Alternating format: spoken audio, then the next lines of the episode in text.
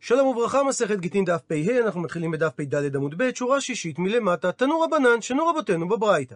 כל התנאים פוסלים בגט, אם הם נכתבים בתוכו, אפילו אם נתקיים התנאי. אלו דברי רבי, וחכמים לעומת זאת חולקים ואומרים שכל תנאי שפוסל אם אמרו אותו על פה, אז הוא גם פוסל בכתב, אבל וכל תנאי שאינו פוסל אם אמרו אותו על פה, הוא אינו פוסל גם אם עשו אותו בכתב. ומבארים חכמים את דבריהם. אם הבעל אמר לאשתה, הרי זה גיתך חוץ מלפלוני, שזה תנאי שפוסל את הגט גם על פה, מפני שיש שיעור בגט, אז הוא פוסל את הגט גם אם הוא בכתב. אבל אם הוא אמר לה, הרי זה גיתך על מנת שלא תינשאי לפלוני, שאינו פוסל תנאי זה את הגט גם כאשר הוא נאמר על פה, וממילא הוא אינו פוסל את הגט גם כאשר הוא בכתב. ומביאה עכשיו הגמרא שני ביאורים אפשריים למחלוקתם של רבי וחכמים. ביאור ראשון, אמר רב זיירא, המחלוקת של רבי וחכמים היא כאשר התנאי נכתב לפני התורף, דהיינו לפני עיקר הגט, דרבי סבר גזרינן על מנת אטו חוץ, ורבנן סברי לא גזרינן על מנת אטו חוץ. אבל במקרה שהתנאי נכתב לאחר התורף, הפכנו דף לדברי הכל הגט כשר. זאת אומרת, לפי רבי זיירא, כאשר מיקום כתיבת התנאי הוא לפני התורף, נחלקו רבי וחכמים בלשון על מנת. שרבי סבר שבמקרה כזה הגט פסול משום שאנחנו גוזרינן על מנת, משום שהוא היה נוקט לשון של חוץ, שזה שיעור בגט, זה פסול דאורייתא. וחכמים סברו שבמקרה כזה הגט כשר, מפני שלא גזרינן על מנת אטו חוץ. אבל לשון על מנת שמופיעה לאחר התורף, לדברי הכל, הגט כשר. ועל פי זה מסביר רב זעירא את משנתנו. ומתניתין דקטני, משנתנו שאמרה, שאם את התנאי כתבו בתוך הגט, הרי הוא פסול. והוקימנה, והעמדנו בתחילת הפרק. במקרה שאמר הבעל, שהרי זה גיתך חוץ מפלוני, מה שאומר, אבל אם הוא נקט לשון של על מנת, אז הגט לא פסיל, אפילו אם כתבו את התנאי של על מנת בתוך הגט. מה שאומר שניתן להעמיד את המשנה באחת משתי האפשרויות הבאות. אי בהיתמה, אם תרצה תאמר שהתנאי כתוב לפני התורף, וזה לשיטת רבנן ולכן הגט כשר, ואי בהיתמה, ואם תרצה לומר שהתנאי כתוב לאחר התורף, וממילא ודברי הכל הוא. אפשרות אחת, שהמשנה שהכשירה לשון של על מנת שנכתבה בתוך הגט, מדברת שהלשון נכתבה לפני התורף, וזה לשיטת רבנן. אפשרות שנייה, שמדובר על לשון על מנת שנכתבה לאחר התורף, והגט כשר לדברי הכל. וביאור שני למחלוקתם של רבי וחכמים. ורבא אמר שהמחלוקת של רבי וחכמים זה כאשר התנאי נכתב לאחר התורף. דרבי סבר שבמקרה כזה גזרינן שהגט פסול, עטו אגב תנאי שנכתב לפני התורף. ורבנן לעומת זאת סברי, שבמקרה כזה לא גזרינן שהגט פסול, עטו אגב תנאי שנכתב לפני התורף. אבל במקרה שתנאי נכתב לפני התורף, דברי הכל שהגט פסול. זאת אומרת, אם מיקום כתיבת השיעור או התנאי הוא לפני התורף, הוא לדברי הכל פסול. ואם לשון התנאי היא על מנת והיא נכתבה לאחר התורף, רבי סבר שהגט פסול מפני שגזרינן עטו מקרה שהלשון תיכתב לפני התורף, ורבנן סברי שבמקרה כזה הגט כשר מפני שלא גזרינן עטו לפני התורף. ועל פי זה יסביר רבא את משנתנו, ומתניתין דקטני, משנתנו שכתבה, שאם את התנאי כתבו בגט הגט פסול, והוקימנה בחוץ, והעמדנו בתחילת הפרק שהבעל אמר לה, הרי את מותרת לכל אדם חוץ מפלוני, ומזה ניתן לדייק, אבל אם הוא היה אומר לה על מנת, לא פסי לגט. אז בהכרח שמשנתנו מדברת בעל מנת שכתוב אחר התורף ורבנני. שזו האפשרות היחידה להעמדת רבה את מחלוקתם של רבי וחכמים, שתנאי שנכתב בתוך הגט כשר. ומספרת הגמרא, תני שנה אבוה אביו דרבי אבין קמי לפני דרב זיירא, את הברייתא הבאה, אם הבעל כתב גט על תנאי, דברי הכל הגט פסול. ויקשה על כך רב זיירא, דברי הכל הגט פסול? והלפי הסברו של רב זיירא, שהעמיד את מחלוקתם של רבי וחכמים בלפני התורף, אין כלל מציאות שלדברי הכל הגט יהיה פסול. והמפלג פליגי. הרי לפי הסברו של רב זיירא את מחלוקת רבי וחכמים, תנאי בלשון על מנת שנכתב בגט, פסול רק לשיטת רבי במידה והוא נכתב לפני התורף. וזה לא לדברי הכל. אלא אמר רב זיירא לאביו של רבי אבין, אימה, תאמר שהנוסח הנכון בדברי הברייתא, שלדברי הכל כשר. והיכי דמי, באיזה מציאות מדובר, שהתנאי בלשון על מנת נכתב לאחר התורף. שואלת הגמרא, ולימה, מדוע לא אמר רב זיירא, שיתקן את נוסח הברייתא באופן הבא, שהרי זה פסול ורבי היא. מתרצת הגמרא, תנא דברי הכל אתניה.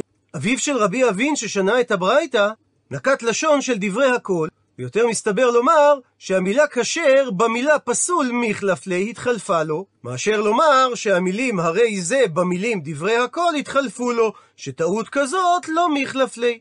ולכן העדיף רב זיירא לתקן את נוסח הברייתא, שיש מציאות שגט על תנאי לדברי הכל כשר. ובשונה מהמשנה הקודמת, שאמרה שגט שיש בו שיעור פסול לשיטת חכמים, אומרת המשנה, אדם שאמר לאשתו, הרי את מותרת לכל אדם, אלא לאבא או לאביך, או שאמר לאחי או לאחיך, או שאמר לעבד או לעובד כוכבים. וכן אם הוא ציין, ולכל מי שאין לה עליו קידושין, שבמקרה כזה הגט כשר. שהרי הוא בעצם לא שיער בגט כלום, שהרי גם בלאו איסור האישות שהוא שיער, לא תופסים לאישה מהאנשים האלה קידושין. אבל ממשיכה המשנה ואומרת, אם אמר לה הבעל, הרי את מותרת לכל אדם, אלא כאשר מדובר על מישהי שהייתה כבר אלמנה מנישואים קודמים, והוא אוסר אותה לכהן גדול, או שמדובר על אישה שהייתה גרושה או וחלוצה מנישואים קודמים, והוא אוסר אותה לכהן אדיוט, או שמדובר על אישה שהיא ממזרת או ונתינה שהוא אוסר אותה לישראל, או שמדובר על בת ישראל והוא אוסר אותה מלהתחתן לממזר או ולנתין, או שהוא אוסר עליה וכל מי שיש לה עליו קידושין אפילו בעבירה, שזה המכנה המשותף של כל הדוגמאות הקודמות, שהקידושים שלהם תופסים בה ויש בדבר איסור לאו, במקרה כזה הגט פסול. ואומרת הגמרא, כלל הדרישה לשון הכלל שנאמרה בתחילת המשנה, ולכל מי שאין לה עליו קידושין, היא באה להטויי לרבות גם את שאר האנשים שהם חייבי כריתות, שאם מסר אותם הבעל, זה לא נחשב שיעור והגט כשר. וכללה דסייפא, מה שנאמר בסוף המשנה, וכל מי שיש לה עליו קידושין אפילו בעבירה פסול, זה בא להטויה לרבות, אם מסר עליה הבעל שאר חייבי להבין, שהיות שקידושין תופסים בהם, זה נקרא שיעור, וממילא הגט פסול. ואומרת הגמרא, בא מיני שאל רבא מרב נחמן את השאלה הבאה. במקרה שאמר הבעל לאשתו, הרי את מותרת לכל אדם חוץ מקידושי קטן פלוני. מהו הדין במקרה כזה? ומבאר רבא את צדדי הספק. מי אמרינן, השתמיה לאו בר אביהו? האם אנחנו מסתכלים על המצב הקיים, והיות שהוא עכשיו קטן, הוא לא יכול לקדש אותה? אז נאמר שזה כאילו שיער אדם שאין לו בתפיסת קידושין והגט כשר, או דילמה או אולי עתי לכלל הוויה, זה הקטן גדול יהיה, וכאשר הוא יגדל, הוא יבוא לכלל האפשרות לקדש אותה, ואם כך, זה נחשב שהוא שיער בגט אדם שיש לו בתפיסת קידושין, וממילא גט פסול. אמר לי, ענה לו רב נחמן, תניתוה, שנינו תשובה לדבר בברייתא הבאה, שאמרה, קטנה מתגרשת בקידושי אביה. הוא מסביר רש"י שקטנה מתגרשת אם היא קיבלה את גיתה בעצמה לאחר מיתת אביה, אפילו שאביה הוא זה שקידש אותה, מה שאומר שזה קידושים גמורים. עד לכאן לשון הברייתא, ושואל רב נחמן, עמי, מדוע היא מגורשת? והבאינן ויצאה והייתה. הרי צריך לקיים את ההיקש בפסוק בין ויצאה, שזה לשון גירושין מהבעל הראשון, לבין והייתה, שזה לשון נישואין לבעל השני. ומזה לומדים שהיא לא יכולה להתגרש, אלא אם כן היא ראויה לקדש את עצמה לאיש אחר. אז כיצד ייתכן שהיא יכולה לקבל את גיתה? אלא מכאן מוכיח רב נחמן, שהסיבה שקטנה יכולה לקבל את גיתה לאחר מיתת אביה, מפני שעטיה לכלל הוויה. שהרי לאחר זמן היא תבוא לכלל קידושין, ולכן כבר מעכשיו מתייחסים עליה בתורת קידושין, שהפסוק לא דקדק לומר שבשעת קבלת הגט היא צריכה להיות בת הוויה. אז על אותו עיקרון, גם לעניין שיעור בגט, אם הוא אמר לה חוץ מקידושי קטן, הגט יהיה פסול. הוא ממשיך רבה ושואל שאלה נוספת, במקרה שאמר הבעל לאשתו, הרי את מותרת לכל אדם חוץ מן הנולדים, מהו הדין במקרה הזה? הוא מבאר רבה את צדדי הספק, השתמיה לא איטיאלית, הרי עכשיו הם עדיין לא נולדו. אז האם הגט כשר מפני שזה נחשב כשיעור של מי שאינו ראוי לקידושין, או דילמה או אולי עתידא דמדיאלדי, הרי הם עתידים להיוולד, ולכן הגט תהיה פסול מפני שזה נחשב שהוא שיער אנשים שראויים לקידושין. אמר לי, ענה לו על כך רב נחמן, תניתוה. שנינו תשובה על כך בברייתא הבאה. שאם הבעל אמר לאשתו, הרי את מותרת לכל אדם, אלא לעבד או ולעובד כוכבים, שבמקרה כזה אמרה הברייתא שהגט כשר. ואם איתה, ואם יש לומר, שמתייחסים לנולדים העתידיים, כאילו הם כבר קיימים עכשיו, אז גם עבד ועובד כוכבים נמי אבידא דמיגיירי. הרי ייתכן לומר שבעתיד הם יתגיירו. והיות שאמרה הברייתא שהגט כשר, משמע שלא מתייחסים למצב העתידי, אלא למצב העכשווי. ולכן זה לא נחשב שיעור. ודוחה הגמרא את תשובתו של רב נחמן, הנח לאו לאיגיורי קיימי, הני לאיתיילודי קיימי. יש הבדל עקרוני בין הנולדים העתידיים לבין גר ועובד כוכבים. העבד והעובד כוכבים אינם עומדים בהכרח להתגייר בעתיד, מה שאין כן תינוקות העתידים להיוולד, שזו תוצאה שוודאי תבוא, ולכן ייתכן שלמרות שעכשיו הם עדיין לא קיימים, נתייחס אליהם כראויים לקידושין, וזה נחשב שיעור והגט יהיה פסול. ושאל רב השאלה נוספת את רב נחמן, כאשר הבעל אמר לאשתו, הרי את מותרת לכל אדם חוץ מבעל אחותה. מהו הדין במקרה הזה? ומבאר רבא את צדדי הספק. השתמיה לא חזיה ל... האם אנחנו מסתכלים על המצב העכשווי, שהוא נשוי לאחותה וממילא היא לא ראויה להתקדש לו, ולכן הגט כשר, שזה לא נחשב שיעור, שהרי אין לו בתפיסת קידושין, או דילמה או אולי זימנין דמתה אחותה וחזיה לי. ייתכן ובעתיד אחותה תמות, ואז כן יהיה לו בת תפיסת קידושין, וממילא זה שיעור והגט פסול. אמר לי, ענה לו רב נחמן, תניתוה, הרי שנינו את הברייתא הבאה שאומרת, שאם הבעל אמר לה, הרי את מותרת לכל אדם, אלא לעבד או ולעובד כוכבים, שהגט כשר, והרי עבד או ועובד כוכבים, נמי אבידא דמיגיירי. יש אפשרות שבעתיד הם יתגיירו, ובכל זאת לא מתייחסים לאפשרות הזאת, וזה לא נחשב שיעור, והגט כשר. דוחה הגמרא את תשובתו של רב נחמן, שלא ניתן להשוות בין הברייתא שדיברה על עבד ועובד כוכבים, לבין שאלתו של רבא, מפני שגרות זה דבר שלא שכיחה, מה שאין כן מיתה שכיחה, שזה דבר שכיח. הוא ממשיך רבא ושואל שאלה נוספת את רב נחמן, אם הבעל אמר לאשתו, הרי את מותרת לכל אדם, חוץ מזנותך. זאת אומרת שהוא הגביל אותה שהיא לא תיבעל בזנות. מהו הדין במקרה הזה? הוא מבאר רבא את צדדי הספק. האם בגלל שבנישואין הלא שייר, שהרי היא יכולה להתחתן עם מי שהיא רוצה, ממילא הגט כשר, או דילמה או אולי, היות שהוא שיער משהו שקשור בביאה, אז זה נקרא שיש פה שיעור בגט בצד האישות, ולכן הגט יהיה פסל. אמר לרב נחמן תשובה, תניתוה. הרי שנינו במשנה שלנו, שאם הוא אמר לה, הרי את מותרת לכל אדם, אלא לאבא ולאביך, במקרה כזה הגט כשר. ובמאי? ולאיזה עניין התכוון הבעל לשייר אותם? אילי, מה אם תאמר שהוא התכוון לשייר אותם בנישואין? האם אבא ואביך בני נישואין הינו? אלא לאו, בהכרח שהוא התכוון לשייר אותם בזנות. הוא מדייק רב נחמן מלשון המשנה, שדווקא ולאבא ולאביך הוא דלא שייר. כאשר מדובר על ביאה זנות. הא, אם הוא שייר אותה לעניין בעילת זנות לאחר, זה נחשב שהוא שיער, וממילא הגט יהיה פסול. דוחה הגמרא את תשובתו של רב נחמן דילמה, אולי ניתן לומר שהבעל אכן התכוון לשייר את אבא ואביך בנישואין. ואף על גב שזה לא דבר מצוי, שהרי הם לא בני נישואין כלפיה, מדובר על מציאות דעבר ואינסיב. שאם אביו או אביה ינהגו במנהג נישואין, אז אף על פי שאין לנישואים הללו תוקף, היא תחשב כאשת איש לגביהם. ולכן אין מכאן הוכחה לשאלתו של רבא. וממשיכה הגמרא ומביאה חמש שאלות נוספות של רבא. כאשר אמר לה הבעל, הרי את מותרת לכל אדם, חוץ מביאה משלא כדרכה, מהו הדין? האם נאמר שהגט כשר מפני שבביאה בכדרכה הלא שיער, או דילמה, או אולי נאמר, שהיות שמשכבי אישה כתיב בתורה, אז יש היקש בין שכיבה כדרכה לשכיבה שלא כדרכה, כך שגם שיעור של ביאה שלא כדרכה, נחשבת כשיעור שפוסל את הגט. שאלה שנייה, אם הבעל אמר לה, הרי את מגורשת חוץ מהפרת נדרייך. כלומר שהוא שומר לעצמו את הזכות להמשיך ולהפר את נדריה. מהו הדין במקרה כזה?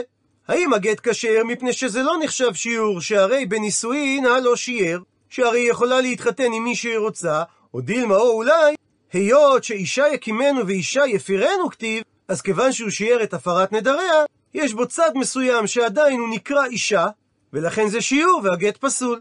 שאלה שלישית, אם הוא אמר לה, הרי את מגורשת חוץ מתרומותיי, כך שאם תנסי לכהן, הוא לא יוכל להאכיל אותך בתרומה. מהו הדין במקרה הזה? האם זה לא נחשב שיעור שהרי בנישואין הלא שיער, שהיא יכולה להתחתן עם מי שהיא רוצה, או דילמה או אולי, היות ולעניין תרומה קניין כספו כתיב, אז אם בעלה הכהן לא יוכל להאכיל אותה בתרומה, זה אומר שהיא לא קניין כספו. אז יש בדבר שיעור בקידושין לגבי כהנים, וממילא הגט פסול. שאלה רביעית, אם הוא אמר לה, הרי את מגורשת חוץ מירושתך, והכוונה שאם תמותי, אני יורש אותך. מהו הדין במקרה הזה? האם בנישואין הלא שיער, שהרי מותר לה להתחתן עם מי שהיא רוצה, או דילמה או אולי, היות וכתוב לעניין ירושה, לשארו ובהמשך הפסוק וירש אותה, כתיב, מכאן שהבעל יורש את אשתו. וכיוון שהוא יורש אותה, היא עדיין נחשבת אשתו, וממילא זה שיעור והגט פסול. שאלה חמישית, אם הוא אמר לה, הרי את מקודשת חוץ מקידושייך בשטר. זאת אומרת שאם יקדשוך אנשים בשטר, לא יחולו הקידושים. זאת אומרת שהוא שיער את אחד מדרכי הקידושין, אבל הוא לא שיער את כולם. אז מהו הדין במקרה הזה? מי אמרינן שהרי אפשר דמקדש לאדם אחר בכסף ובביאה, ולכן אין כאן שיעור בגט וממילא הגט כשר, או דילמה או אולי, מפני שיש היקש בפסוק בין ויצאה מאיש אחד לבין והייתה לאיש אחר, הרי שאיתקו שוויות להדדי. יש היקש בין כל דרכי ההוויה, דהיינו בין כל צורות הקידושין, ולכן היכן שהוא שיער ואסר עליה את אחד מדרכי הקידושין, אנחנו לא קוראים בו את לשון הפסוק ויצאה. ועל כל השאלות הללו אומרת הגמרא, תיקו. יעמדו השאלות ללא תשובה. ואומרת המשנה, גופו של גט, והכוונה לעיקר כתב הגט, מעבר לשם האיש והאישה והזמן, כך צריך לכתוב אותו, הרי את מותרת לכל אדם. הפכנו דף, רבי יהודה חולק ואומר, שצריך להוסיף גם את הנוסח הבא, ודן דיאבי לכי מיני, ספר תירוכין ואיגרת שבוקין וגט פטורין. שטר זה יהיה לך ממני ספר גירושין ואיגרת עזיבה וגט שילוח, על מנת למח להתנסה בה לכל גבר די עצבין, שתוכלי ללכת ולהינשא לכל איש שתרצי. וממשיכה המשנה, שגופו של גט שחרור שעל ידו משחררים שפחה כנענית, שכותבים, הרי את בת חורין, או הרי את לעצמך. ואומרת הגמרא, פשיטא, פשוט הדבר, שאם הבעל אמר לה לאשתו, דהיינו שהוא כתב לה בגט לשון של הרי את בת חורין, שהוא לא אמר ולא כלום. מפני שלא שייך בגירושין לשון חירות. שהרי ודאי שגם לפני הגירושין היא הייתה בת חורין. שהרי ידוע מי הבוס האמיתי בבית. וכן אם אמר לה האדון לשפחתו הכנענית, דהיינו כתב לה בגט את הלשון של הרי את מותרת לכל אדם, שהוא לא אמר ולא כלום, שהרי לעניין מלאכתה, הוא לא שחרר אותה מבעלותו. ובפועל היא גם לא מותרת לכל אדם, שהרי היא עדיין שפחה, וממילא היא לא מותרת לבן חורין. אבל שואלת הגמרא, במקרה שהוא אמר לה לאישה, דהיינו כתב לה בגט את הלשון הבאה, הרי את לעצמך, מהו הדין? האם לגמרי כאמר לה, שהיא ברשות עצמה לגמרי, גם לעניין גירושין, או אולי למלאכה כאמר לה, שמעשה ידיה יהיו שייכים לה ולא לבעלה. אמר לי, עונה על כך רבינה לרבשי, תשמע. בו שמע הוכחה דתנן ששנינו במשנתנו, גופו של גט שחרור זה בלשון הבאה, הרי את בת חורין, או הרי את לעצמך. עד לכאן הציטוט מהמשנה, הוא מוכיח רבינה. ומה עבדה דקני ללגופי? הרי אם עבד שהגוף שלו קנוי לאדון, ובכל זאת אמרה המשנה שכי אמר לו האדון, כתב לו בגט שחרור, הרי את לעצמך, קני גופי, הוא קונה על ידי כך את גופו, אז אישה דלא קני גופה, שהרי גוף האישה לא קנוי לבעלה, לא כל שכן שתועיל הלשון, של הרי את לעצמך, שהיא קונה את עצמה לגמרי, וממילא הגט כשר. וממשיכה הגמרא, אמר לי, שאל רבינה לרבשי את השאלה הבאה. כאשר אמר לו האדון לעבדו הכנעני, דהיינו, כתב לו את הנוסח הבא בגט השחרור, אין לי עסק בך. מהו הדין במקרה הזה? אמר לי, ענה רב חנין לרב אשי, ואמר לה, ויש אומרים שאת התשובה לא אמר רב חנין סתם, אלא רב חנין מהעיר חוזנה, לרב אשי, תשמע, בוא שמע את התשובה מהברייתא הבאה, דתניא, המוכר עבדו לעובד כוכבים, כנסו אותו חכמים שיצא העבד לחירות, וצריך לקבל גט שחרור מרבו ראשון, כדי להתירו להתחתן בבת ישראל. ואמר כך רמן שמעון בן גמליאל, במה דברים אמורים שהוא צריך לקבל גט שחרור מרבו ראשון, במקרה שלא כתב עליו עונו, אבל כתב עליו עונו, זהו שחרורו. עד לכאן לשון הברייתא, ונשאלה השאלה, מהי הכוונה עונו, וענה על כך, אמר רב ששת, הכוונה, דכתב לי את הנוסח הבא, לכשתברח ממנו, אין לי עסק בך. ומוכח מכאן שהמילים אין לי עסק בך, לשון חירות הוא. ציטוט מהמשנה, רבי יהודה אומר, ודן דיאבי לכי מיני ספר תירוכין ואיגרת שבוקין. ושואלת הגמרא, במאי כמפלגי, מה נקודת המחלוקת בין חכמים לרבי יהודה? עונה הגמרא, רבנן סברי שידיים שאין מוכיחות הוויין ידיים. ומסביר רש"י, ידיים הכוונה לבית אחיזה, לדבר לאחוז בו. זאת אומרת, ידית של כלי. ואצלנו הכוונה ללשון קצרה, שלא מוכיחה מה היה הדיבור השלם אליו התכוון האומר. אז חכמים סוברים שידיים שאין מוכיחות הוויין ידיים, שניתן להתייחס לדיבור חלקי כדיבור מלא, ולכן ואף על גב דהוא לא כתב לה בגט את הנוסח שרבי יהודה אומר, ודן, בכל זאת, מוכיחא מילתא דבהאי גיתא כמגרש לה. מזה שהוא כתב את הגט ונתן לה, הרי הוא גילה את דעתו שהוא רוצה לגרש אותה בגט זה, ולא על ידי דיבור בעלמא. ורבי יהודה לעומת זאת סבר, שידיים שאין מוכיחות לא הוויין ידיים, דיבור חלקי שלא מוכיח את כוונתו של האומר לא נחשב כדיבור מלא, ולכן, ותמה שהגט כשר, דווקא דכתב לה את הנוסח ודן, שעל ידי כך דמוכחה מילתא דבהאי גיתא כמגרש לה. שאז מוכח הדבר שאכן הוא התכוון לגרש אותה בגט ולא על ידי דיבור מעלמא. אבל אם הוא לא כתב לה את הנוסח של ודן, אמרי, יכולים לומר שבדיבור הגרשה, ושטרה שהוא נתן לה זה רק ראיה בעלמא הוא. כדי להיות בידה לעדות בכל אשר תלך, להראות שהיא פנויה. וממשיכה הגמרא, אמר אביי, היי מאן דכתב גיתא, מי שרוצה לכתוב גט, צריך להקפיד על אופן הכתיבה הבא. לא לכתוב את המילה ודין עם יוד דמשמע ודין הוא שאגרשך, אבל אם אינו דין עלי שאגרשך לא תתגרשי, אלא יכתוב ודן ללא יוד. ולא לכתוב את המילה איגרת עם יוד דמשמע איגרת, שזה לשון גג, אלא לכתוב את המילה איגרת ללא יוד. ולא לכתוב את המילה למהך עם יוד דמשמע שתי מילים לי מהך, דהיינו לי תהי לאישה מהספר הזה ואילך. וכן להיזהר ולא לכתוב את המילה למהך עם חי"ת למחך, ולכן צריך להבדיל את הרגל הקטנה של הה"א כשכותבים אותה, שיהיה אוויר בינה לבין הגג של הה"א, כדי שזה לא ייראה כמו חי"ת, דמשמע כי חוכא, שאז משמעות הדבר מצחק אני בך. ובמילים דיתהויין ודיתיצביין, צריך להקפיד על תלתא תלתא יודין, שבכל אחת מהם יהיה שלוש יודים לפני הנון הסופית, שאם לא כן דמשמע, תהביין ותצוויין. וזו לשון נסתר ולא לשון נוכח, ואז הדבר יתפרש על נשים סתם. מה שאין כן כאשר מקפידים על שלוש יהודין, הכוונה היא שאת, האישה המתגרשת, תהיי ברשות עצמך להינשא למי שתרצי. וכן צריך להקפיד ולורכי לבב דהמילה תרוכין ולבב דהמילה דשבוקין, שאם הוא לא יעריך אותה זה ייראה כיוד, ואז דמשמע טריחין ושביקין, שזה לשון רבים, ואז המשמעות תהיה כלפי נשים גרושות ועזובות שנמצאות בעולם ולא כלפיה. וכן צריך להקפיד ולורכי להעריך לבב דהמילה דכדו, שאם לא כן היא תראה כיוד, ואז דמשמע כמו המילה וכדי. ואז משמעות הדבר שהוא אומר לה שהוא מגרש אותה בלא שטר. ולא לכתוב את המילה להתנסבה באות א', דמשמע, שאז ניתן להבין אותה כשני מילים, לה התנסבה, שהיא לא תינשא, אלא לכתוב אותה עם ה' להתנסבה. שמשמעות הדבר שהיא יכולה להינשא למי שהיא רוצה. ואומרת הגמרא היא בעיה להו. נשאלה להם השאלה הבאה, האם באינן ודן או לא באינן ודן? האם צריך לכתוב את הנוסח ודן, כלומר, האם הלכה כרבי יהודה, או שלא צריך לכתוב את הנוסח ודן, מה שאומר שהלכה כרבנן.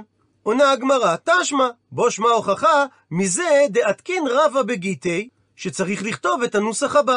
איך פלניה בר פלניה, העדים מעידים שבולוני בר פלוני, פטר ותריך יד פלונית אינטטי, שילח וגירש את הפלונית אשתו, דאבת אינטטי מן קדם דנה, שהייתה אשתו קודם לכן, והוא מגרש אותה מיום הדנן ולעלם, מיום זה ולעולם. עד לכאן הנוסח שתיקן רבא, ומוכיחה הגמרא, ואילו את הנוסח של רבי יהודה ודן, לא כאמר רבא, שצריך להכניס אותו לגט. אז משמע שהלכה כחכמים. דוחה הגמרא את ההוכחה, ולטעמך, לשיטתך שאתה רוצה להוכיח מהנוסח של רב ההלכה כמי, כולו מי כאמר? האם את שאר הדברים שחייבים לכתוב בגט, האם רבא הזכיר? אלא בהכרח שבאינן צריך גם אותם לשנות למרות שהוא לא הזכיר אותם, החנמי באינן. וכך גם ניתן לומר שייתכן וצריך להוסיף את הנוסח ודן כפי שפסק רבי יהודה, למרות שרבא לא הזכיר את הדבר. ומסבירה הגמרא את הסיבה שרבא היה צריך להוסיף את התוספת הנ"ל בנוסח הגט. שאת המילים מיום הדנן, דהיינו מיום זה, הוסיף רבא כדי לאפוקי להוציא מדי רבי יוסי דאמר שזמנו של שטר מוכיח עליו. כך שלשיטת רבי יוסי, אין צריך לכתוב את התאריך בגט של שכיב מרע, כי הרי זמנו של שטר מוכיח עליו, ולכן זה לא ייחשב כגט לאחר מיתה, ולכך תיקן רבא, תאריך בכל הגיטין, כדי שהסופרים יהיו רגילים בדבר. ואת המילה ולעלם, הפכנו דף, הכניס רבא לנוסח כדי לאפוקי מדבא מיני, להוציא מהשאלה ששאל רבא מרב נחמן, על אדם דאמר היום היא את אשתי ולמחר את אשתי. ואומנם ענה לו רב נחמן, שכיוון שביום הראשון היא פסקה להיות אשתו, אז היא פסקה מכך לחלוטין, אבל למרות זאת תיקן רבא בגט, שיהיה ברור שהבעל מגרש אותה לעולם, כדי שלא להוציא לעזה לגט. עד לכאן דף פ"ה.